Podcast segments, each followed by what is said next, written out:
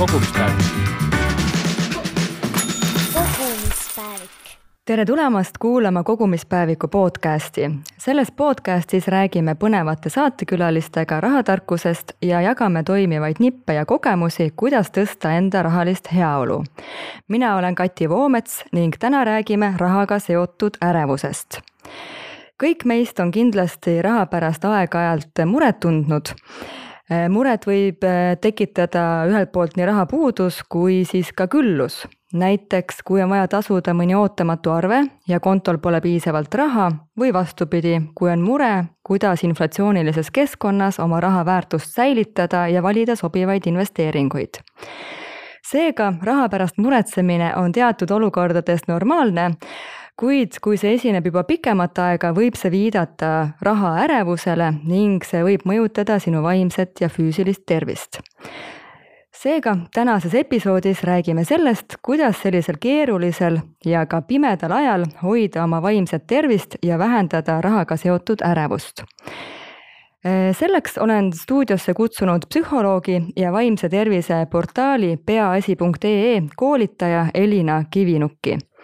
tere, Elina tere, väga suur rõõm ja, ja eesõigus on täna sellisest teemast rääkida, ma arvan, et see on natukene tabuteema ka. et seetõttu on hästi oluline, et me selle täna toome välja. ja mulle tundub sama, et sellest väga palju räägitud just Eestis ei ole. aga enne kui me teema juurde läheme, siis äh, palun räägi natukene endast, kes sa oled, kust sa nii-öelda tuled, millega igapäevaselt äh, tegeled? olen Elina ja töötan igapäevaselt, siis ma arvan ikkagi, ma võin öelda, ma töötan psühholoogina ja koolitajana ja suures osas ongi siis peaasi.ee on ähm, see äh, portaal või see keskkond, kus kohas ma siis jagan või teen või viin läbi koolitusi erinevatele nii tööandjatele kui ka siis eh, noortele, noh erinevatele sihtgruppidele. Aga siis, mida kindlasti peab minu taustaks veel ka teadma, et ma ka suhteliselt igapäevaselt eh, töötan ka Muusikaakadeemias psühholoogina, et siis toetan seal noori tudengeid ja kuna täna siin rahaärevusest tuleb juttu, et siis ma ka tahan öelda, et see on hästi nagu kõnetav teema. et kuigi ma arvan, see Äh, pilt või äh, mulje, et täna on tudengid väga vaeses olukorras, on pigem vist taandumas või, või noh, üldiselt, et tudeng on, on äh, kehvas olukorras või vaene tudeng, et see ei ole enam võib-olla nii asjakohane kõikides ülikoolides, aga mulle tundub, et mingite seltskondade või mingites osades on need valikud pidanud tegema, et tegelikult, et õppida ja siis tuleb saada toime väga väheste vahenditega. Ja saavad siis äh, tuge ja nõu äh, küsida sinu käest, väga, väga tore, et ülikoolides selline positsioon ja võimalus tegelikult olemas on. aga alustame siis ikkagi sellest äh, teema defineerimisest, et mis see rahaärevus täpsemalt ikkagi on selles mõttes äh, võib-olla tasub äh, tõlgendada seda läbi ärevuse üldiselt, et ärevus on ikkagi siis äh, mure või pidev mure ja sageli ka mure, mis siis noh, nagu pidevalt koormab.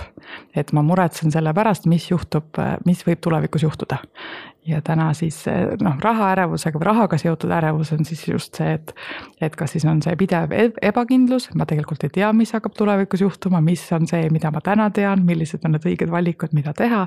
et sellega seoses tekivad need e, muremõtted ja, ja see rahaärevus ja rahaärevus võib siis ka veel avalduda sellistes erinevates võib-olla käitumistes või, või signaalides või märkides ma mõtlesin, et ma toon need ka välja, et siis äkki inimesed kuidagi tunnevad äh, ära. samastumist. jah, või, või siis, või just vastupidi või, või, või tunnevad lähedastel, et on mm, -hmm. et noh, et ühed sellised asjad on siis kindlasti asjade võib-olla vältimised, noh et ärevusega on hästi sageli tuleb kaasa see vältimistegevus. ja inimesed siis näiteks äh, teavad, et arve on saabunud, aga ei ole julgust arvet lahti teha et ma püüan siis äh, edasi lükata, tean, et seal summa on, võib-olla seal ei teagi seda summat, mis on jälle ka teine see äh, ärevuse tunnus, et ma saan aru, et ma ei äh, kontrolli et minu, minu käes ei ole kontrolli, mis see su-, suurus on. et sellepärast alati on, on vaimse tervise mõttes püsivad summad on paremad. aga kui siin on erinevad signaalid, et noh, kunagi ei tea, kui suured tulevad siin kommunaalkulud, et see on, tekitab ebakindlust ja kindlasti tõstab ärevust ja ärevuse puhul siis ka on, kui märgata, siis on uudiste jälgimisel, uudiste lugemisel, kui on märgata, et on sellised, tekib ka kehalisi reaktsioone, et ma saan aru, et ma loen siin äh, sellist uudist, mis hinnatõusu puudutab. noh, me elame, elame täna ühiskonnas, kus ju neid uudiseid on küll mm. -hmm. ja siis, ja siis ma saan aru, mul tekivad mingid kehalised reaktsioonid sellest või ma ei taha lugeda või mul tekib kuidagi väga suur tõrge kõikide nende erinevate uudiste vastu. et siis tegelikult tuleks ka olla veidi tähelepanelik ja mõelda, et kas see, äkki seda ärevust on liiga palju ja kui seda ärevust on, siis no see signaal, et kui on ärevust liiga palju, on see, et ta segab ikkagi igapäevaelu või teised inimesed, lähedased ütlevad, et äkki on see teema, millega tuleb tegeleda aga kui suur see probleem sinu hinnangul Eestis on, et ma hiljuti lugesin ühte USA uuringut, mis siis oli läbi viidud USA psühholoogide seltsi poolt ja seal siis kaheksakümmend seitse protsenti elanikest ütles, et äh, inflatsioon ja hinnatõus on nende jaoks kõige suurem stressiallikas praegusel hetkel. ja seda uuringut on tehtud alates kaks tuhat seitse ja alates sellest ajast ei ole ükski nii-öelda tegur olnud nii suure osakaaluga, mis siis põhjustab inimestele stressi. et äh, teades, milline on see inflatsiooni tase Eestis versus USA-s, siis Eestis on see mitu korda suurem, eks, et et äh, kui palju sinu poole näiteks pöördutakse või kui palju sa näed inimesi, kes siis äh, on sellega hädas, et kui suur probleem see on? see on nii huvitav uuring, aitäh seda ka niimoodi välja toomast. No osalt võib-olla ma seda kommenteerin seda, et Eestis on loomulikult praegu on võib-olla keeruline, aga ma arvan, et me ikkagi tuleme ka sellise ajalooga riigist, kus on, ma arvan, täna on need põlvkonnad, vanemad põlvkonnad, kellelt saab õppida, kellelt saab seda kindlust, et juhtugu mis tahes, me saame ikka hakkama. sahvris on moosi olemas. ja kartuleid jätkub ja siis on, et ma arvan, et see on ka selline põlvkondadeülene eh, toimetulekumehhanism, mis on siis eh, kindlasti Eestis hästi unikaalne. aga et mõeldes, kui palju üldse selliste asjadega, selliste muredega pöördutakse, siis ma arvan, et ei ole, need on alati olnud pigem nagu kaasuvad teemad, et üldiselt inimene tuleb, ütleb, mul on väga noh, üldiselt olengi mures nende erinevate asjade pärast ja siis see, et on Koorub vahendeid, jah, et see vahendeid on puudu või, või olen mures selle pärast üldse, et, et see on pigem selline kaasa tulev või, või üks äh, asjaolu seal. ja, ja ma arvan, et see on seotud selle tabu või häbimärgistamise Täpselt. teemaga osalt ka, et ma ei julge Eh, näidata, et on rahaga raske või ma ei taha ka näidata, et eh, see on nii oluline teema mu jaoks, et ma ei noh, et, et justkui on, raha on nagu nii oluline mu, minu elus või minu valikutes, et see tundub justkui natukene, seal on selline hinnangu mm, -hmm. hinnang taga, et kui et see oleks natukene nagu lihtne või üheplaaniline huvi, et ainult raha pärast olen väljas. jah, eks siin on ka kindlasti see ajalooline taak meil ja kõik see uskumustest tulenev, et raha ei kasva puu otsas ja raha on üldse halb ja rikkad inimesed on pettusega rikkaks saanud ja ilmselt kõik see kombo ka kokku, et see raha üldse on tabuteema ja eriti veel siis, kui sul on selle pärast mure, et võib-olla tõesti ei taheta sellest nii avalikult rääkida, kuigi siis tihti võib-olla tiksub see kuklas, et okei okay,, mul nüüd arve vaja tasuda, kus ma selle raha saan ja nii edasi. just Aga..., et see on see mhm. ärevuse tunnus, et ta tiksub kuklas tiksub, ja ei lase mm -hmm. nagu rahulikult olla või siis ka, ma ei tea, öösel uni läheb ära ja siis hakkad kohe muretsema mm, -hmm. kust raha saab. juba otsapidi jõudsime siia äh, vaimse tervise pro pro probleemide juurde, et äh, mis probleeme siis need rahamured võivad tekitada meie vaimse tervisega, et ongi see uneprobleem ja sa mainisid, aga mida veel mm? -hmm. et siis noh, et, et võibki seal ega, ega see vaimse tervise mõttes on ikkagi vaja veel nagu uurida või seda selgust meil täpsemalt ei ole, et kas on, üks mõjutab teist või, või lihtsalt me teame, et rahapuudus tekitab rohkem stressi ja stress omakorda siis mõjutab oluliselt vaimse tervise väljakutseid, et siis võib ka tõesti rohkem seda depressiooni avalduda, aga näiteks ka seoses vaimse tervise häirega, et see, eh, kui inimesel on eh, siis bipolaarne meeleoluhäire, et see tähendab, et tal vahel on depressiivsed perioodid ja vahel on need maaniapet-, teised perioodid, mis on hästi sellised võimekad ja suutlikud, siis selle perioodi jooksul ka inimesed näiteks, üks näide sellest äh, bipolaarsest meeleoluhäirest on see, et inimene ostab väga palju asju, teeb, ostab suuri, ma ei tea, turismireise või pikamaaalende mhm. mm -hmm. tegelikult adumata, kas tal need vahendid päriselt on või, või kas ta saab seda endale lubada, et see on osa sellest vaimse tervise väljakutsest ja siis ja ma arvan, et mis on see mõju ka ja sageli ka võib-olla enesehinnangule ja selle üldisele toimetulekule on see, et kui on raha vähe, et siis ei saa nagu lubada alati kõiki asju, et tegelikult, mis on vahel nagu eluks vajalikud asjad, et ei saa lubada, et minna arsti juurde või siis ei saa võtta mingeid vitamiine või, või mingeid asju, mis on tegelikult. Neid ravimeid osta näiteks. jah, just, et, et mm -hmm ja siis sealt hakkab tulema see selline kuidagi enda jaoks, enda väärtuse nagu mõttemuster, et kas, et kas see päriselt see, mida ma senimaani teen või see, kuidas ma raha teenin, et, et mida see ütleb minu kohta mm. -hmm kas see võib mõjutada ka sellist sotsiaalset äh, läbikäimist, et, äh, et oled üksildane näiteks ja see on nii äh, ka Sulgud oluline, mm -hmm. et ühelt poolt siis äh, vaimse tervise häire ise võib seda tuua kaasa, et äh, inimene isoleerub ja tõmbub endasse. Ja siis ähm, aga teisalt ka seda eriti öeldakse just vanemaealiste puhul, et kui sissetulekud vähenevad või sissetulekud drastiliselt muutuvad, siis ma enam ei saa lubada neid asju, mida ma vanasti sain lubada, ei ole alati neid eh, võimalusi, et minna sinna kinno või teatrisse ja siis eh, ja, ja siis nende sõbrannadega või sõpradega eh, eemale või koos käimine või läbikäimine võib olla veidi raskendatud ja, ja, ja ma arvan, et see kõige suurem mõju on ikkagi see äh, enesepilt või see noh, pilt sellele mina, enesehinnangule, et mis need on, mida ma et, et noh, et ela just vanemaealises mõttes, et noh, elanud väga pika ea ja elanud väga äh, tegelikult ilusa elu ja siis mm. ma nüüd selles elu ähm, lõpufaasis pean siin tegelema asjadega, mis tunduvad pigem võib-olla alandavad või mm, -hmm. või väheväärtuslikud. aga milliseid tundeid äh, võib meil üldsegi rahaga seoses äh, tekkida? ja minu meelest see tunnete palett on väga kirju kindlasti. just, et seal on see, äh, et ühelt poolt need on need erinevad Eh, tunded, mis võivad, see raha vähesus võib seda kaasa tuua, et võib-olla näiteks eh, süütunne sellest, et ma olen võib-olla teinud mingeid valikuid valesti ja siis ma mõtlen nagu minevikus, et oleks ma siis teinud teisi valikuid või oleks, ma ei tea, siis eh, kuulanud kedagi, oleks läinud hoopis paremale tööle või ka siis noh, loovatel erinev, erialadel, eriti inimene tegeleb oma kutsumusega ja siis mingil hetkel tuleb ikka jälle see küsimus, et no ma siin teen seda suurt kunsti, aga noh, tegelikult mu äh, samad eakaaslased, neil on juba ammu, töötavad IT-s ja teenivad väga palju ja raha pole kuhugi panna, et see on probleem, on ju mm. -hmm. et siis noh, ikka ja jälle, jälle küsid enda käest, et kas see oli õige valik, mida ma teen ja võib-olla seal on sellist kripeldust ja, ja süütunnet ja siis äh, üks veel ka, mis on võib-olla äh, huvitav välja tuua nende tunnete poole pealt on, on see, et ei julge abi küsida, et tekib mm -hmm. ka see mhm. häbitunne sellest, et kas ma pean äh, kelleltki laenu võtma või, või kuidagi nagu ka välja näitama, et ma ei tule äh, igapäevaselt oma äh, asjadega toime.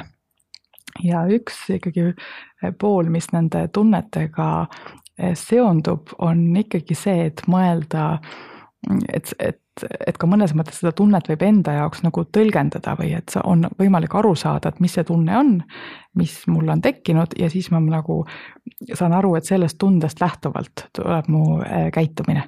ja siis ma saan veidi nagu ümber mõtestada enda jaoks, et kas ma saan äh, seda, kogu seda protsessi enda jaoks nagu ümber mõtestada kuidas see täpsemalt siis peaks välja nägema, et me sujuvalt nagu jõudsimegi sinna juba väikse niisuguse lahenduse juurde, et kui sul see tunne tekib, siis märka seda, kuidas siis, kas panna kirja, kuidas see nii-öelda nõuanne oleks sinu poolt? ja seal on juures siis ka see mõttemustri mm -hmm. jälgimine ka, et äh, et, noh, just, et kui ma saan aru, et mul ei ole võimalik kõiki asju teha oma elus või ma pean tegema valikuid, millised asjad on olulised või mis mitte, et siis mõelda seal selle mõttemustri ja selle tunde peale, et mis noh, jälgida ka tõesti, Mhm. mida ma siis iseendale ütlen selle, selle kohta.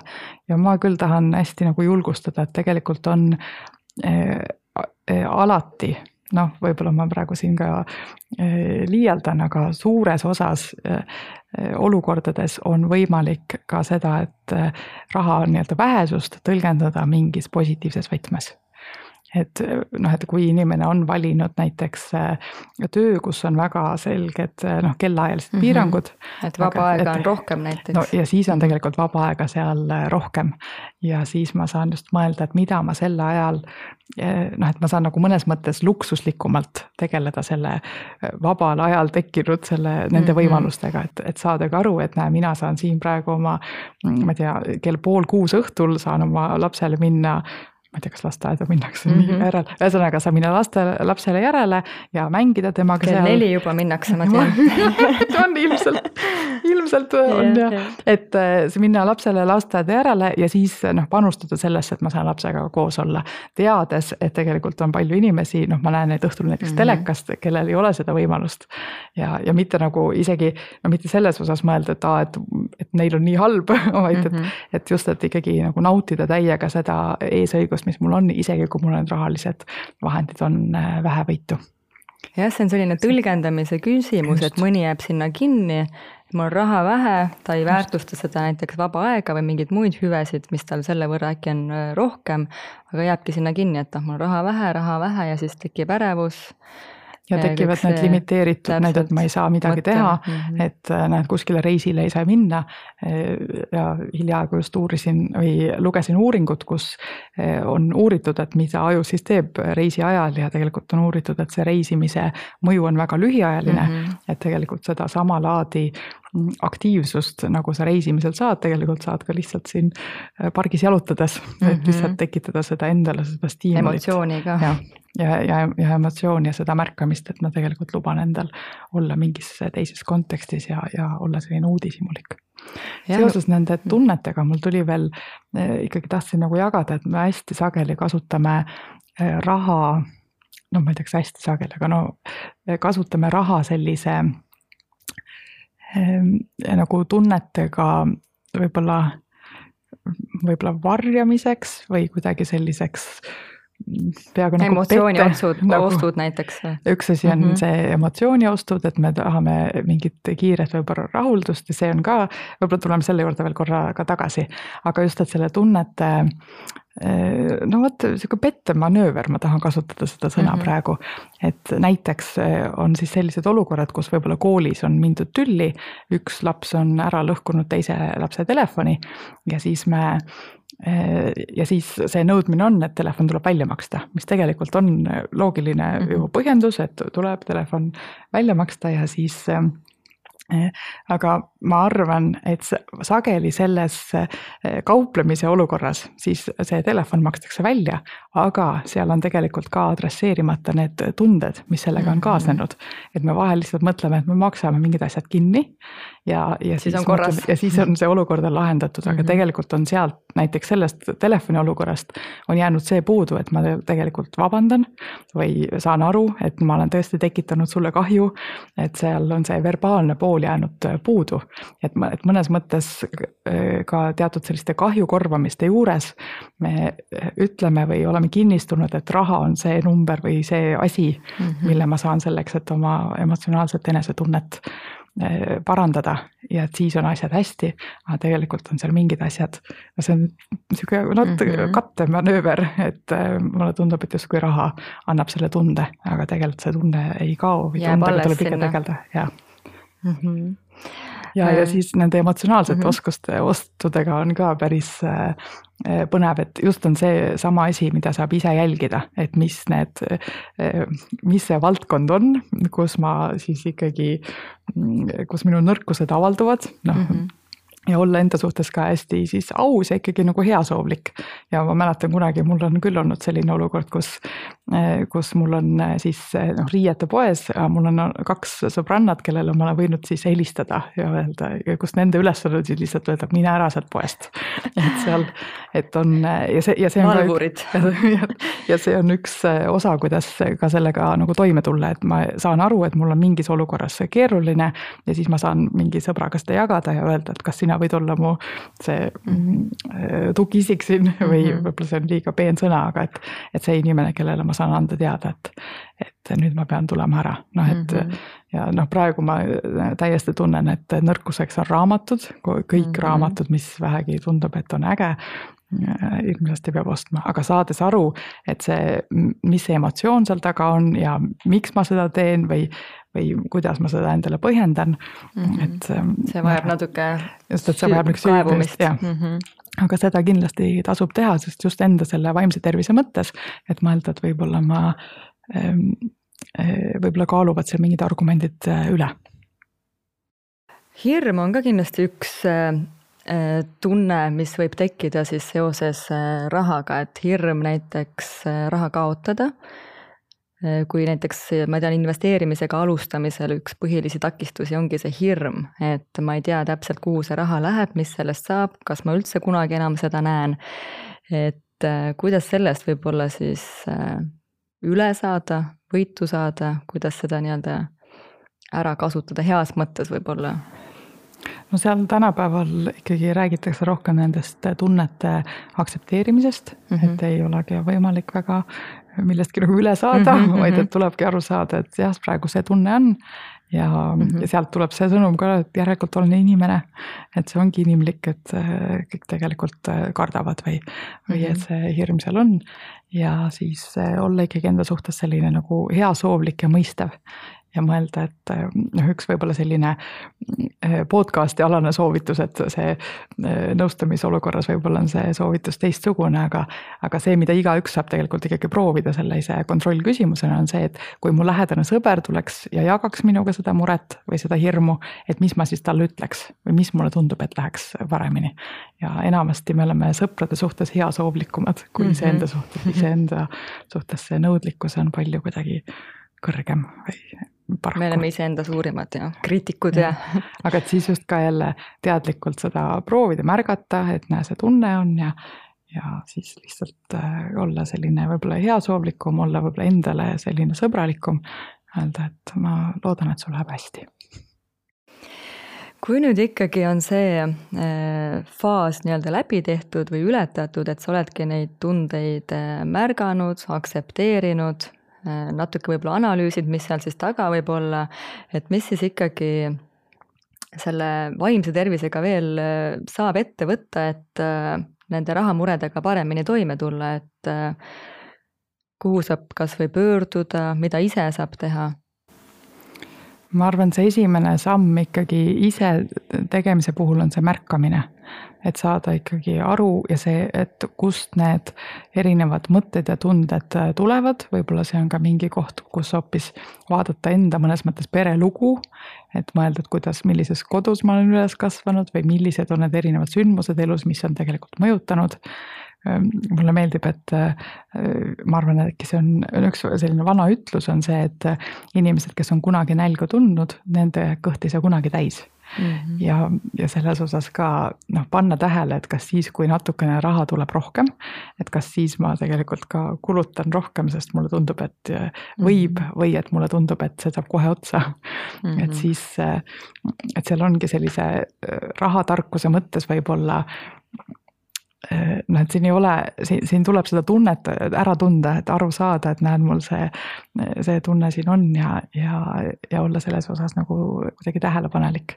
ja just, et see enda mõttemustrite märkamine, et see aitab, et eh, ise oled teinud juba mingit tööd ja oskad ise siis ka võib-olla rohkem kontrollida või valida neid olukordi, kuhu ma eh, panen ennast või, või kuhu siis pigem mitte sa mainisid ka seda, et sinul on kaks sõbrannat, kellele sa helistad, kui sa oled seal riidepoes uut kleiti ostmas. see on kindlasti ka üks soovitus, et seda siis murekoormat kellegagi jagada või neid hetki, mis on siis natuke emotsionaalselt keerulisemad, et kõikidel peaks olema selline kulutamisvalvurid kuskil võtta ja no mõnes mõttes ka ikkagi see vajab ka juba julgust, et öelda, et selline mure on, et ma selle ühe sõbrannaga olen koos käinud poes, siis meil noh, tema kujutab täpselt ette, kus ma olen ja mm, -hmm. ja ega mhm. see ei ole ju see ka, et, et kus ma pean nüüd praegu täpselt kirjeldama, mismoodi mul ikka on ja kui, mis tunne on ja kui halb on ja kõik niimoodi, et seal piisab ka ainult sellisest koodsõnast mm. -hmm. et see, et selles osas ka, et, et kui sügavale või, või mis laadi see abi või toetus on, mida mul on, on äh, tarvis. jah, ja see ikkagi eeldab seda, et need lähedased saavad ka võib-olla aru sinu sellisest finantsilisest olukorrast, et teine tabuteema seoses rahaga on ikkagi sissetulekute suurus. et väga palju sellest ei räägita, arvatakse, et see on kuidagi keelatud tegelikult see ei ole, et näiteks ka jällegi USA-st võrdlust tuua, et seal on väga avalikud kõik need aastapalgad, et väga vabalt seltskondadest sellest ju räägitakse, kes kui palju teenib, et et ma arvan, et see tooks ka natukene seda avatust ikkagi juurde, kui me julgeksime rohkem rääkida enda sissetulekutest, võib-olla ongi osadel äh, probleeme seoses sellega, aga ma ei teagi, et tal on probleeme, et mulle tundub, et ta elab hästi, saab hästi hakkama, aga kui tegelikult võib-olla ta sissetulek on alla keskmise, pealtnäha ei paista, et siis on üliraske ka võib-olla märgata seda ja seda tuge pakkuda, et ma arvan, et see on ka üks koht, kus siis tasub mõelda, et võtta julgus kokku, ikkagi natuke avatumalt rääkida enda rahalisest seisust, kas või oma perekeskis seal alustada, et ma tean tihti ka elukaaslased ei tea näiteks üksteise sissetulekuid. alustagem sellest, et ja siis sõprade omad samamoodi, et ja, ja, ja selles osas võib-olla selline üldisem soovitus, mis mulle tundub, noh, mis ei ole nii palju isiklikul tasandil, aga organisatsiooni tasandil. et just selle mõttega, et sa tegelikult ei tea, mis olukorras teised on mm. -hmm. et kui on mingid sellised koosolekud ja kui on võimalik, siis ikkagi pakkuda toitu et seal yeah. vahel on see väga noh, imestama panev või, või tegelikult ongi noh, et, et mõne jaoks tundub see nii, et ah, see ei ole ju midagi tavalist mm, -hmm. noh lihtsalt pakub, paneme küpsised ja on siis juba hästi. aga teiselt poolt just pakkuda ikkagi noh, mõelda selle peale, et võib-olla on praegu sellised raskemad ajad ja kõigile tegelikult ei ole võtta puuvilju ja, ja sellist värsket kraami, et tõesti nagu mõelda selle toitlustamise peale ja pakkuda mitmekesist ja, ja head toitu. no ma ütlen, et ei pea olema siin mm -hmm. suurepärane catering või mitmekäiguline, aga et mõelda natukene rohkem just nende ürituste korraldamisel ehm, selle selle peale ka. see on väga hea ja lihtne ja tegelikult ja. praktiline nõuanne just ettevõtetele ka, et kuidas siin keerulisel ajal äh, inimesi siis toetada, et ei peagi nii-öelda rahaga üle külvama, võib-olla piisabki sellisest paarist lihtsamast äh, käigust, mis näitab ka seda hoolivust, on ju, et äh, tähelepanu mujale juhtimisest, et see on ka üks nii-öelda viis, kuidas saab siis rahamuredega siis toime tulla, et räägi sellest lähemalt, et kuidas see välja näeb? jaa, see on äh, ka hea tehnika selles osas, et ja mõnes mõttes on see selline edasilükkamise tehnika ärevuse puhul üldiselt mm. -hmm. kui on äh, siis muremõtted, siis kasutada ikkagi seda vana head tuulest viidud romaanis on Scarlett O'Hara mm -hmm. tehnika, ma ei mõtle sellele täna, mõtlen sellele homme. ja see, see edasilükkamine samamoodi on see, et ostu puhul eriti internetikeskkondades erinevad veebipoed, need ostmise protsess on tehtud nii lihtsaks ja siis on nii äh, nagu huvitav lihtsalt korra nagu proovida, ma ei ütle, et üldse ei tohi osta poest, aga et lihtsalt korra proovida, mis siis juhtub, kas mul täna tundub, et mul on seda väga vaja ja siis ma lihtsalt mõtlen, ma ei osta seda täna, ostan selle homme mm. -hmm. ja siis vaatan, kas homme, kuidas siis tunne on, kas mul ikka tuleb meelde veel see, et mul on vaja seda. tegelikult ma saan täiesti hakkama ka ilma selle asjata või, või antud juhul raamatuga raamatute. üks asendab teist just, jah. aga kui nüüd eh, jah, sellest rahatarkusest veel rääkida, et mõned need nipid siin ka juba kõlasid, et näiteks see ostu edasilükkamine, et panedki ostukorvi ja siis teed selle ostu, kui sa tõesti tunned, et see on vajalik järgmisel või ülejärgmisel päeval. Äh, mis veel näiteks võib, võib toimida, on see, et äh, jälgida ikkagi enda kulutusi regulaarselt, et ma tean, väga paljud äh, peavad eelarvet enda peas, nad mõtlevad läbi, et nii, mu palk on tuhat nelisada, nii, üür on seal nelisada, toidule läheb kolmsada, kuidagi peas toimub selline kalkuleerimine. aga tegelikult see selline hägusus äh, tekitab omakorda tegelikult äh, stressi, et kui sul ei ole ikkagi kindlalt seda paberi peal või silme ees kirjas, siis sul tundub, et sul see kontroll justkui kaob ära. et ma arvan, et üks soovitus on kindlasti see, et tulekski seda eelarvet varasemast siis hoolikamalt kuidagi planeerida.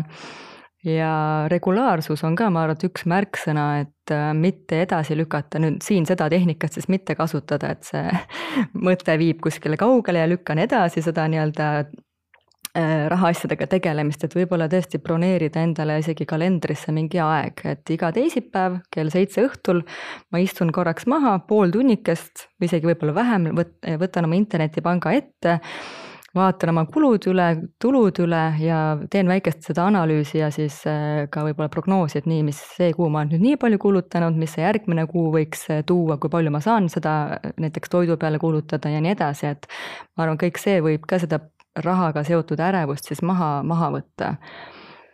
Mm, säästupuhver kindlasti ka, et ütleme, praegusel ajal on seda keerulisem ilmselt paljudel koguda, aga jällegi kas või viiest-kümnest eurost alustada, et sa tead, et sul on see sääst olemas. et ma arvan, et see tekitab ka seda meelerahu, et säästupuhvrit ju kutsutaksegi teise sõnaga meelerahufondiks, et ta tagab sulle selle meelerahu et, äh, et kõik sellised, need sellised rahatarkuse nipid ka kindlasti aitavad kaasa sellele, et seda rahaga seotud ärevust äh, vähendada. ja mis ma ise näiteks kasutasin, mm, üks-kaks aastat tagasi tegin sotsiaalmeedia kontode sellise revisjoni ja vaatasin üle, keda ma seal jälgin, mida ma seal jälgin, et äh, samamoodi hästi palju selliseid äh, iluinfluencer eid jälgisin seal, mingisuguseid, äh, ma ei tea, koduga seotud influencer eid, siis paratamatult need kõik tekitavad sul sellise tarbimise soovi, sa vaatad, okei okay,, nii ilus uus huulepulk on ju, vaja osta, mingi äge kodu, kodusisustuse asi, nii, vaja osta et kõik äh, kustutasin ära ja hakkasin jälgima hoopis selliseid finfluencer eid nii-öelda, kes siis räägivad rahaga seotud teemadest, kes võib-olla räägivad sellisest äh, säästlikust äh, majandamisest, jätkusuutlikkusest, prügi vähendamisest, kõik sellised kontod panin endale sinna listi, keda ma nüüd jälgin. Ja finantsuudiseid samamoodi, et et ma arvan, et see tekitab ka seda soodsamat keskkonda enda ümber, et sa ei näe kogu aeg sellist äh, nii-öelda tulukesi vilkumas, et nüüd on vaja kuskile raha kulutada ja mingid plõksud käivad peas, et nii noh, et paratamatult ma arvan, see keskkond ka tekitab meid seda soovi kulutada ja, ja kõike seda ärevust ka võib-olla, et ma ei saa lubada endale seda, eks, et ma näen, et noh, ilusad mingid püksid, aga tegelikult ma tean, mu kontol on praegu kolmkümmend eurot, eks, et siis võtab seda ka nagu minu arust maha. Ja minu meelest selles mõttes on just nii eh, hea veel siia ka ja tuua see üldine, see keskkondlikud sõnumid, et meil see mm -hmm. jätkusuutlikkus on tänapäeval ja toidu raiskamine ja need teemad mm -hmm. on nii mhm. olulised, et tegelikult on see täiesti, täiesti okei okay minna ja osta allahinnatud kaupa, sest mm -hmm. et sa mhm. tegelikult tahad, et see toitu läheks vähem raisku, et mõnes Täpselt, mõttes ka see on selline mõtteviis, eh, mõtteviis ja selline ka natukene nagu katan ära, et mul siin raha mm -hmm. pole, aga teisalt see on, on, mul on võimalus ikkagi olla Äh, nagu kasutoov või, või kuidagi kasulik oma valikutes. ja see on just hästi hea äh, tuua ikkagi välja, et mis on need asjad, mida ma saan äh, kontrollida, et mõelda, et tuua see rohkem neid asju ja tegevusi, et mille osas mulle tundub, et mul see kontroll on suurem mm. -hmm. ma veel võin ka pakkuda või, või toon välja veel sellise, mis on natukene ka võib-olla see ümberraamistamise idee, et ka vaadata seda arvet siis saabuv arve mm -hmm. ei ole nagu kohustus, vaid ta on ka tänupõhjus. et kui sa oled ära mm -hmm. maksnud, et siis saad tegelikult aru, et näe, sul on. elekter ja vesi kodus.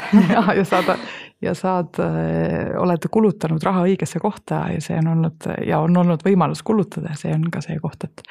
et ma tegelikult olen midagi selle rahaga teinud midagi kasulikku jaa, see on päris hea mõte tegelikult, et äh, väga paljud ju näevad neid igakuiseid arveid nagu saatanast, kurjast, et need on midagi super suur kohustus ja kuidagi äng tekib võib-olla neid tasudes, aga selles mõttes väga hea mõte, ma arvan, mida ma isegi võtan siit kaasa, et äh, mõelda, et aga tegelikult ma olen väga tänulik selle eest, et mul on võimalus siin praegu soojas toas istuda, eks. et äh, elektrit äh, ahju, ahju tööle panna ja mida iganes, et see võib olla tõesti nagu väga hea mõte mis asju veel ma tean, et ehm, inimesed kasutavad selleks, et siis eh, natuke rahatarkust suurendada ja rahaärevust vähendada, on ikkagi krediitkaartide mittekasutamine. et kui sa tead, et sul on võib-olla see eh, impulss ostude tegemine kuidagi käib hästi kiirelt, siis tõesti lõpetada ära need krediitkaardid või siis kuskil videos ma isegi nägin väga humoorikalt, et eh, külmutati, sügavkülmutati need krediitkaardid ära näiteks. Et sa ei saagi seda sealt kohe niimoodi kätte, et kui sul tekib see emotsiooni siis sa pead võtma selle aja, selle krediitkaardi üles sulatama. Et see ka jällegi lükkab seda emotsiooni ostu nagu edasi, et äh, ja igasuguste erinevate äppide ära kustutamine ka, ma tean, et äh, on toiminud paljude puhul, et praegu on väga populaarsed need Woldid ja Boltid, et, et siis kiirelt õhtul istud diivani peal, tahad süüa tellida, üks sekund ja sul on tehtud ja raha läinud, aga järgmine päev ilmselgelt tekib see ärevus sinna, et tegelikult ei olnud see planeeritud sinu eelarvesse sisse. mida sa ise veel võib-olla kasutad, selliseid rahatarkuse nippe, mis siis aitavad sul seda rahaga seotud muret natuke vähendada? Ma olen siin palju juba neid äh, ideid äh, toonud ka ja, ja ega ma pean ka tunnistama, mul ei ole alati rahaga kerge ja see mm -hmm. suhe on hästi olnud äh, keeruline mm -hmm. nende aegade jooksul.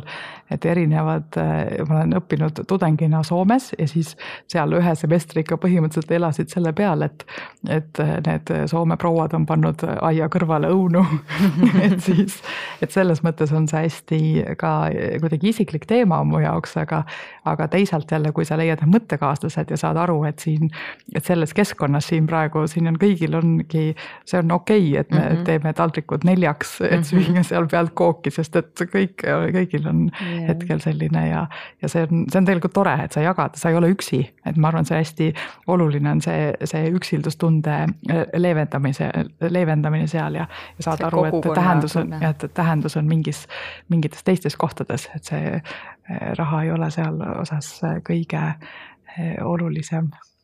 Ja siis üks selline hiljutine sündmus, vot seda on raske siin nagu soovitada, aga see sattus ikkagi niimoodi, et ma läksin hambaarsti juurde ja siis kuulsin lihtsalt eelmise kliendi eh, summat, mida talle öeldi mm. -hmm.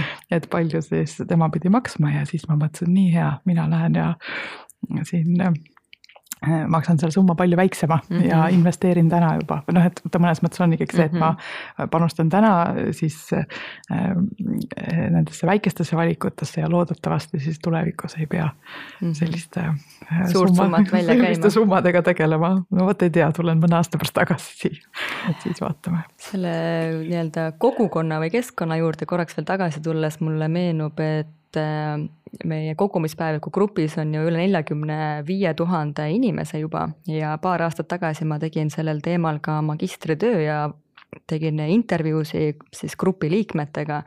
Ja väga paljud tõidki välja just sellise kogukonnatunde ja sellise sotsiaalsete normide olulisuse, et nemad leiavad sealt grupist seda tuge, et seal valitsevad natuke teistsugused sotsiaalsed äh, normid ja tõekspidamised kui võib-olla nende nii-öelda pärismaailmas et just sealt saadakse seda tuge, et nii säästmine on okei okay,, toidu äh, raiskamise vähendamine on okei okay,, second-hand'is shoppamine on okei okay,, et võib-olla sealt saadaksegi seda kinnitust ja tuge, mis siis aitab ka jällegi seda ärevust vähendada, et kui sinu näiteks sõprusringkonnas on pigem teise suundumusega inimesed, kes siis elavadki päevast noh, üks päev korraga nii-öelda kulutavad meeletuid summasid selleks, et võib-olla väljaspoole paista kuidagi ägedam. et siis sealt seda nii-öelda tuge ilmselgelt ei saa, aga just sellest, kasvõi sellest virtuaalsest grupist tegelikult võib ka seda kogukonnatunnet siis äh, leida no ma ikka ja korjan ka siit selle üles just, et kui tähtis on see, et inimestega koos kuidagi noh, jagada seda, neid kogemusi, mis mm -hmm. on. Ja tõesti võib-olla ka noh, korra võib-olla küsida, et kas need just need asjad, mida ma jälgin või need inimesed, kellega ma koos olen, et kas nendega, kas ma väärtustepõhiselt Täpselt, olen ja jagan neid ka raha kasutamise põhimõtteid mm. -hmm. ja üks hiljutine uuring mulle veel meenus siin selle teemaga seoses, et äh, uuriti inimeste rahalist heaolu erinevates riikides, seal oli ka Euroopa riigid, USA ja oli Filipiinid. ja selgus, et filipiinlaste rahaline heaolu on siis oluliselt suurem kui mõne nii-öelda arenenud Euroopa riigi inimeste oma.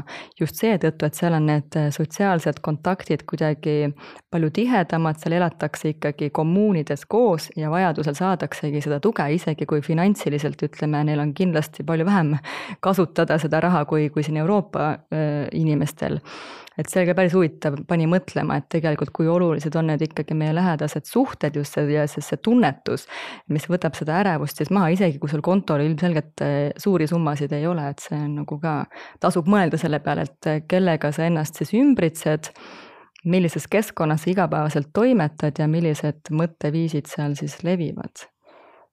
et, äh, et jah, tasub mõelda igalühel Äh, äh, ma oma Instagrami kontol kusjuures äh, hüüdsin ka välja, et ma tulen professionaaliga siin podcast'i sellel teemal salvestama, et ma korraks vaatan, et sinna tegelikult tuli ka päris huvitavaid mõtteid ja, ja küsimusi. et päris paljud praegu tunduvad, tundub, et muretsevad selle meelerahufondi üle ja täpsemalt selle üle, et see väheneb. et ühelt poolt on see, et et see meelerahufond peakski tagama seda, et mul ei ole seda suurt ärevust selles osas, mis siis siin nüüd lähiajal saama hakkab, aga teisalt see tekitab ka ärevust, et seda sa pead näpistama niimoodi. mis sa selle kohta ütled? no ma arvan, et. kahetised on... nagu tunded inimestel. ja no ma arvan, et seal ikkagi ta selles mõttes see mehhanism on seal ikkagi see samm, see sarnane, et mm -hmm. ma mhm. olen mures, et on mingid äh, piirangud ja limiteeringud ja ma ei oska ette näha, mis sealt nagu tulevikus saama hakkab. et see ikkagi on seal see võimalus, et, äh, et endale kinnitada, et sellel hetkel ma teen äh, parima valiku, mis mul nagu võimalik on ja, ja isegi just ka mõeldes, et ma pikemas, et ma võin ka teha valiku, mis ma tean, et pikemas perspektiivis toob mulle seda kasu, et just enda valiku mõtestamist seal ikkagi ikkagi saab äh, korra mõelda, et just, kui ma seda meelerahufondi pean ka kasutama, et siis saan öelda, et mul on praegu see vähemalt on, mida kasutada. ja see, ja see ja noh, ma mõtlen, ma praegu, no on siin raske seda öelda, et mõnes mm -hmm. mõttes ma ütlen, noh, et, et ongi mul ju põhjendatud seda kasutada, aga teisalt, kui ma saan aru, et mul on erinevaid ettekäändeid või põhjendusi üle kulutada, siis see ju selles osas ei toimi, et siin ja, ja, tuleb just olla ikkagi aus iseenda vastu ja, ja. et miks sa seda ja. ikkagi näpistad sealt, on ju, et mm. -hmm. siis äh, ühel oli huvitav hirm seoses sellega, et ta müübki praegu kinnisvara, aga ta ei oskagi sellest müügist saadud rahaga siis eh, midagi teha, et me oleme nüüd rääkinud, et see rahapuudus tekitab eh, stressi ja ärevust, aga tegelikult teiselt poolt on ka see, et inimestel, kellel raha on, ma tean, et ongi ka praegu väga suures stressis. jah, ja et selles ja ma arvan, et siin on ka meil nagu minevikus mitmeid tegelikult lugusid ju, ju teada ja tuleb olla ka selles osas tähelepanelik just selle vaimse tervise võib-olla keerulisemate poolte osas, et tegelikult need rahalised tingimused ja kui on raha palju, ka siis see tegelikult ei tee õnnelikuks ja võib teha, tekitada seda lisastressi ja võib ka siis depressiooni ja, ja olla seal ka ennast kahjustavate käitumiste tõenäosus ka eh, teatud osas suurem või kõrgem mm. -hmm. et, et peab olema küll selles osas ka tähelepanelik. Ehm, ja, ja mõnes mõttes on seal endiselt on see ikkagi enesega ehm, see kuidagi leplik olemine, et, et kuna see tulevik on selline kahtlane, siis ei ole täna võimalik teha eh, seda ehm, nagu ideaalset otsust ilmselt, ilmselt see käibki selle otsuse, otsustamise juurde, et meil on see sisemine mõte, justkui me peaks tegema õige otsuse, aga meil tegelikult äh, keskkonnas ei ole seda õiget, noh mm -hmm. ei ole, ei ole võimalik ette palju määramatust. jah ja,, siin tuleb siis mängu see säilenõtkus siis just. Eesti keeles on niisugune ilus sõna et kuidas siis ikkagi kohaneda pidevalt selliste uute, uute olukordadega ka. ja üks huvitav küsimus, mida ma olen ka tegelikult ise tundnud, on see, et kui sul on äh, kontol raha, miks siis kohe tekib kuidagi see vajadus seda kulutada, et mina olen seda nii-öelda endal elimineerinud niimoodi, et kui mul tuleb äh, äh, palk kontole, siis mul kogu raha põhimõtteliselt juba läheb automaatselt äh, säästukontole, investeerimiskontole, lapsekontole, igale poole mujale. ja ma jätangi kontole ainult siis selle toidu jaoks mõeldud summa, et see aitab mul kuidagi seda vältida natukene, et äh, mul muidu vaatan, mul kontol siin sada viiskümmend eurot, mida ma selle eest nüüd ilusat saaks osta. et äh, seal ilmselt ongi nii individuaalne, et miks see vajadus tekib, eks, aga mis need põhilisemad sellised põhjused on no vot, ma ei, ma siin tulen, tulen uuesti selle vana ütluse juurde, et see, kes on kunagi eh, nälga tundnud, tema mm -hmm. kõht ei mhm. saa täis ja, ja ise ka enda mingist ajaloost, et. Et just, et see ratsionaalne valik, sa tead, sa oled praegu raha saanud ja ratsionaalne eh, on nii mõistlik on praegu mm -hmm. mitte mhm. kulutada ja ometi. emotsionaalne sõidab üle sellest just, et, et ja, ja võib-olla see on seal selle ajuga, aju ehituse või ka seotud, et see emotsioonid rohkem Äh, kontrollivad seal.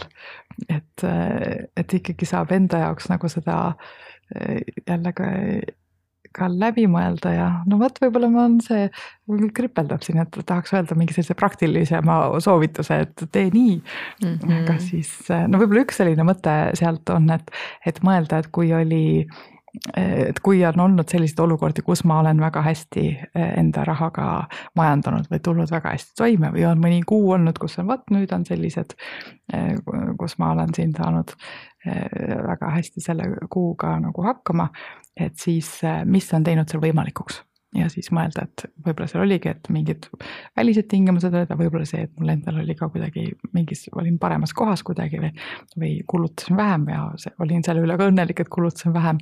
ja siis on olnud vähem äh, survet selles osas mm. -hmm. aga üks teema veel, äh, mis mulle tundub, et praegusel ajal on väga selline aktuaalne, on see, et äh, kuna hinnad on nii palju tõusnud siis väga paljud inimesed võib-olla saavad aru, et on natukene elatud üle oma rahaliste võimete ja peab siis loobuma kas kodust, autost, reisidest. et miks on kuidagi emotsionaalselt, nad ratsionaalselt jah, saadakse ju aru, et okei okay,, mul ei, mul ei vea välja nende kommunaalide maksmine või selle kütuse ostmine et aga ütleme emotsionaalsest poole pealt, et miks on kuidagi nii raske siis lahti lasta nendest materiaalsetest asjadest? see on nii äh, valus ja nii täpne küsimus, ma noogutasin kaasa, et jaa, muidugi on ja, ja olen ise ka mõelnud, et mismoodi siis noh, mis tunne see on, et kui mm -hmm. üks, et mul on nagu peres on näiteks kaks autot ja siis ma mõtlen, ma pean nagu ühest loobuma, mitte sellepärast, et olla kuidagi keskkonnasõbralikum või olla siis mm, -hmm. aga et lihtsalt, et ei tule muidu välja, et ma arvan, see on hästi vot jah, mingi selline äh, mingi osa minust äh, ütleb, et seda saaks harjutada sellel ajal, kui on asjad hästi, noh et mm, -hmm. et tegelikult mõelda ka selle peale, et mul ei ole vaja, ma võtan mingi sellise äh, piirangu või, või mõnu ära endalt, et see on ja see ei pea olema auto mm, -hmm. aga see võib olla ka lihtsalt, ma ei tea, kohv või, või mingi mingi muu selline asi, mille osas ma saan aru, et lihtsalt mul praegu seda enda elus Raamat. ei ole. aitäh, jah tõesti et võtan selle, selle enda elust hetkel ära ja lihtsalt nagu tajun, mis see siis, mis see siis teeb minuga, kui palju ma siis olen pannud oma tähenduse eh, nendele asjadele või kas ma tulen nende piirangutega Äh, kuidas ma nendega toime tulen ja mis seal siis aitab. Ja siis, kui tuleb see elu ja ütleb, et nüüd on vaja loobuda, siis ma seal olen palju enesekindlam ja mõtlen, et ma kunagi nende piirangute keskel olin, nüüd saan selle olukorraga ka paremini toime. Siis üks asi veel, mis mulle tundub, et praegu jällegi natukene rohkem levib, on see kuidagi ohvri rolli kinnijäämine, et ongi see, et on raske mingitest asjadest loobuda ja siis äh, jäädaksegi sinna kuidagi kinni, ei otsita lahendusi, noh ilmselt ongi peas toimub nii palju asju, on see stress, mis võib-olla juba tuleb ärevushäire all, kuidagi väljendub ja ühesõnaga, et kuidas siis võib-olla ikkagi otsida neid lahendusi, et mitte kinni jääda sinna nii-öelda ohvri rolli ka, et mitte ainult noh, väga paljud, ma tean, siunavad siin valitsust ja mida kõike veel, et ikkagi mitte jääda sinna kinni, vaid otsida siis neid kuidagi väljapääsu või lahendusi või seda positiivsust on sul siin mingi nõuanne veel anda? ma ei tea, kas mul on siin rohkem seda nagu lisada, aga see meenutab, mul tuli eelmise, enne oli veel selline mõttekäik siin ka, mida ma tahtsin veel jagada, et just see nii-öelda see valitsuse siunamine või mingi selline väljaspool mingite muude gruppidega. et kui siin ja, ja seoses nende tunnetega, et kui ka siin kunagi siin oli see uudis seoses ehm, siis hüvitistega, et kui palju ikkagi siin vastutaval, vastutavatel ametikohtadel, kui suur see sissetulek on. siis ma ka tajusin enda sotsiaalmeedias, et mitmed inimesed tajusid seda ebaõiglust, et see on nii noh, et kus inimesed on võib-olla õpetajad või teistes valdkondades sellised, kus on vähem tasustatud ja nad, nad tajuvad seda, noh, see on nii ebaõiglane, et keegi saab nii suure summa ja, ja, ja see ja minu töö on hoopis selline eh, teistsuguse kaaluga ja, ja ma saan selle eest nagu hoopis teistsuguse summa ja seal on ka see koht, kus ma ikkagi saaks julgustada, et mõelda kas ma olen selle rahasumma väärtus, võrdsustanud enda väärtusega. et selle noh, ohvri mentaliteedi mõttes mm -hmm. või selle ohvri mõtlemisega samamoodi, et mis on siis see, mida ma saan ise eh, praegu teha või mida ma saan iseenda jaoks mõtestada, et mis see, mida see Eh, rahasumma minu jaoks eh, tähendab ja tegelikult see ju ei ole rahasumma, tegelikult see on ju muud asjad hoopis mhm. selle töö juures, mis eh, või selle rolli juures, mis on palju väärtuslikumad või, või väga väärtuslikud ka, nii et neile tasub ka kindlasti pöörata tähelepanu väga palju häid mõtteid ja soovitusi on siin juba saate jooksul kõlanud, aga siin lõpetuseks ma küsiks sinult, et kuidas sa ise hoiad enda vaimset eh, tervist vormis? ja no vot, eh, mina olen teha. küll, mina olen püüdnud küll siis siis käia jah, tegeleda füüsiliselt, olla aktiivne, et siis toetada ja saada aru, et kui on rohkem liikumist, et siis ka kuidagi mõte liigub paremini, et ma seda püüan hästi teadlikult teha enda elus ja siis no ja võib-olla siin, kui juba ei ole inimesed märganud, et siis ikkagi selline tänulikkuse praktika on minu jaoks ka hästi nagu tähenduslik, et nii märgata neid asju, mille eest ma olen tänulik, kui ka siis äh, panna tähele, kui on mingeid piiranguid, et siis üle, üle tüki aja, kui piirangud on läbi, siis nautida täiega ja tunda seal ka seda tänulikkust, et oh, nii tore jah, ma isegi olen ka kunagi pidanud tänulikkuse päevikut, et iga õhtu kirjutasidki kolm mõtet üles, mille eest sa oled tänulik, et tegelikult aitas küll kuidagi hoida seda positiivsust, kui on keerulisem aeg eriti. aga soovita meie kuulajatele ka mõnda raamatut, filmi või podcast'i, mida siis iga inimene võiks samuti kas kuulata, vaadata, lugeda, et sa juba mainisid, et sa oled suur raamatute kokkuostja, et kindlasti mõni raamat on sul kohe soovitada. Mul on kohe raamat soovitada täiesti, tõesti mõtlen, kas, jaa, no ma olen, ma olen mõlemad raamatud ostnud ka tõesti, aga et äh, selline siis äh, praegu USA-s elav äh, kirjanik, aga, või ka psühholoog tegelikult ja siis, aga ta lugu sai alguse siis olles Auschwitzi koonduslaagris, Edith Eger on siis ta nimi ja eesti keelde on tõlgitud üks raamat Kingitus mulle rohkem meeldis tema raamat siis, mis oli natukene selline elulool põhinev, on siis äh, Valik äh, või The Choice. ja siis, kuidas ta seal just rääkis ja ma arvan, et see on hea soovitus siia sellesse rahaärevuse teemalisse mm, äh, vestluse lõpetusse, et et noh, tema väga, väga ju koges ja, ja seda kirjeldas väga valusalt, kui palju oli kannatusi selles nii laagris, kui palju alandust, kui palju vaesust, kui palju nälga.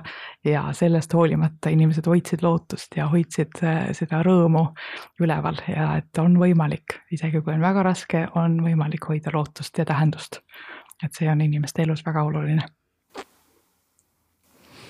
aitäh sulle Äh, ühesõnaga, mida mina siit äh, vestlusest siis ka ikkagi kaasa noppisin, on see, et on oluline olla siis iseendaga leplik, aktsepteerida tundeid, äh, tunda enda mõttemustreid, et vaadatagi ikkagi natuke enda sisse, mis meie käitumist siis põhju-, põhjustab näiteks samamoodi emotsiooni ostlemist või see ärevus, mis meil tekib, kui me vaatame enda pangakontot ja me soovime kohe seda raha ära kulutada. et mul kohe endal tuli paar sellist seost juba siin üles, et miks mul on ilmselt see, see tunne on ka tekkinud kunagi. ja siis ikkagi see, et kui palju me sellele, seda tähendust siis millelegi omistame, et kui me rääkisime sellest asjadest loobumisest ja kõigest sellest, et et millist tähendust me asjadele omistame Eh, kuidas me mingeid asju enda jaoks lahti mõtestame ja sõnastame ja kellega me ennast ka ümbritseme. Ja ikkagi soovitus, eriti ka praegusel ajal, on võimalikult palju olla füüsiliselt aktiivne, see aitab hoida meelt erksana, eh, mõtteid liikumises ja nii edasi, et eh, ja siis ikkagi olla tänulik ka selle eest, mis juba sinu elus on, samamoodi see elektriarve võib-olla proovida seda siis sõnastada nii, et läbi tänulikkuse, kui sa seda maksad, et ma arvan, et kõik sellised väikesed äh, nipid, trikid äh, aitavad meie igapäevaelu siis äh, ägedamaks muuta. kas soovid sina veel siia lõppu midagi lisada, täiendada? Mina väga tänan selle ka võimaluse eest, et see on veel kord hästi oluline ja ma arvan, üsna vähe räägitud äh, teema. ja tõesti, et inimestel, kellel on võib-olla keeruline või kes märkavad või aimavad, et nende lähedastel võib olla keeruline. et siis ikkagi proovida, et võtta see kuidagi jutuks Teemaks. või, või kuidagi äh, arutada, et kas inimesed soovivad sellest kuidagi rääkida ja kui ka sellel hetkel ei soovi, siis anda teada, et ma olen ikka su jaoks olemas ja, ja mm -hmm. valmis toetama. Jah, mulle selles osas tundub, et natuke on see seos selle koroonaperioodi algusega, et tegelikult inimesed muutusid lähedasemaks, küll ütleme, inimkontakti võib-olla ei saanud nii tihti, aga ütleme läbi veebi, läbi telefoni, et selle üksteise toetamine kindlasti aitas sellest raskest perioodist ka paremini üle saada paljusid, et praegu mulle tundub samamoodi, et see rahalises aspektis on kindlasti väga rasked ajad siin ees tulemas, et siis samamoodi, et toetuda ikkagi oma lähedastele ja olla avatud abi küsima või nõu küsima või lihtsalt ära kuulama, kui on ikkagi mure kellelgi ja selle juures ka ikkagi, kui tekib see automaatne mõte, mul ei ole kellelegi, kellegi mm -hmm. poole pöörduda, et siis noh, tegelikult abivõimalused on ikkagi olemas, et mm -hmm. saab siis pöörduda veidi, vaadata väljaspoole ringi või, või leida ikkagi neid kohti, kus saab lihtsalt ka välja rääkida, et seda kindlasti mm -hmm. tasub julgustada.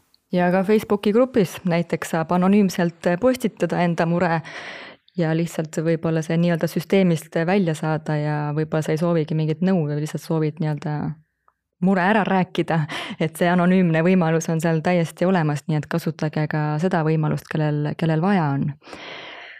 Aga armsad kuulajad, kuid kui teid see episood täna kõnetas, siis jagage, soovitage seda ka oma sõpradele ja kohtumiseni siis uutes osades. kõike head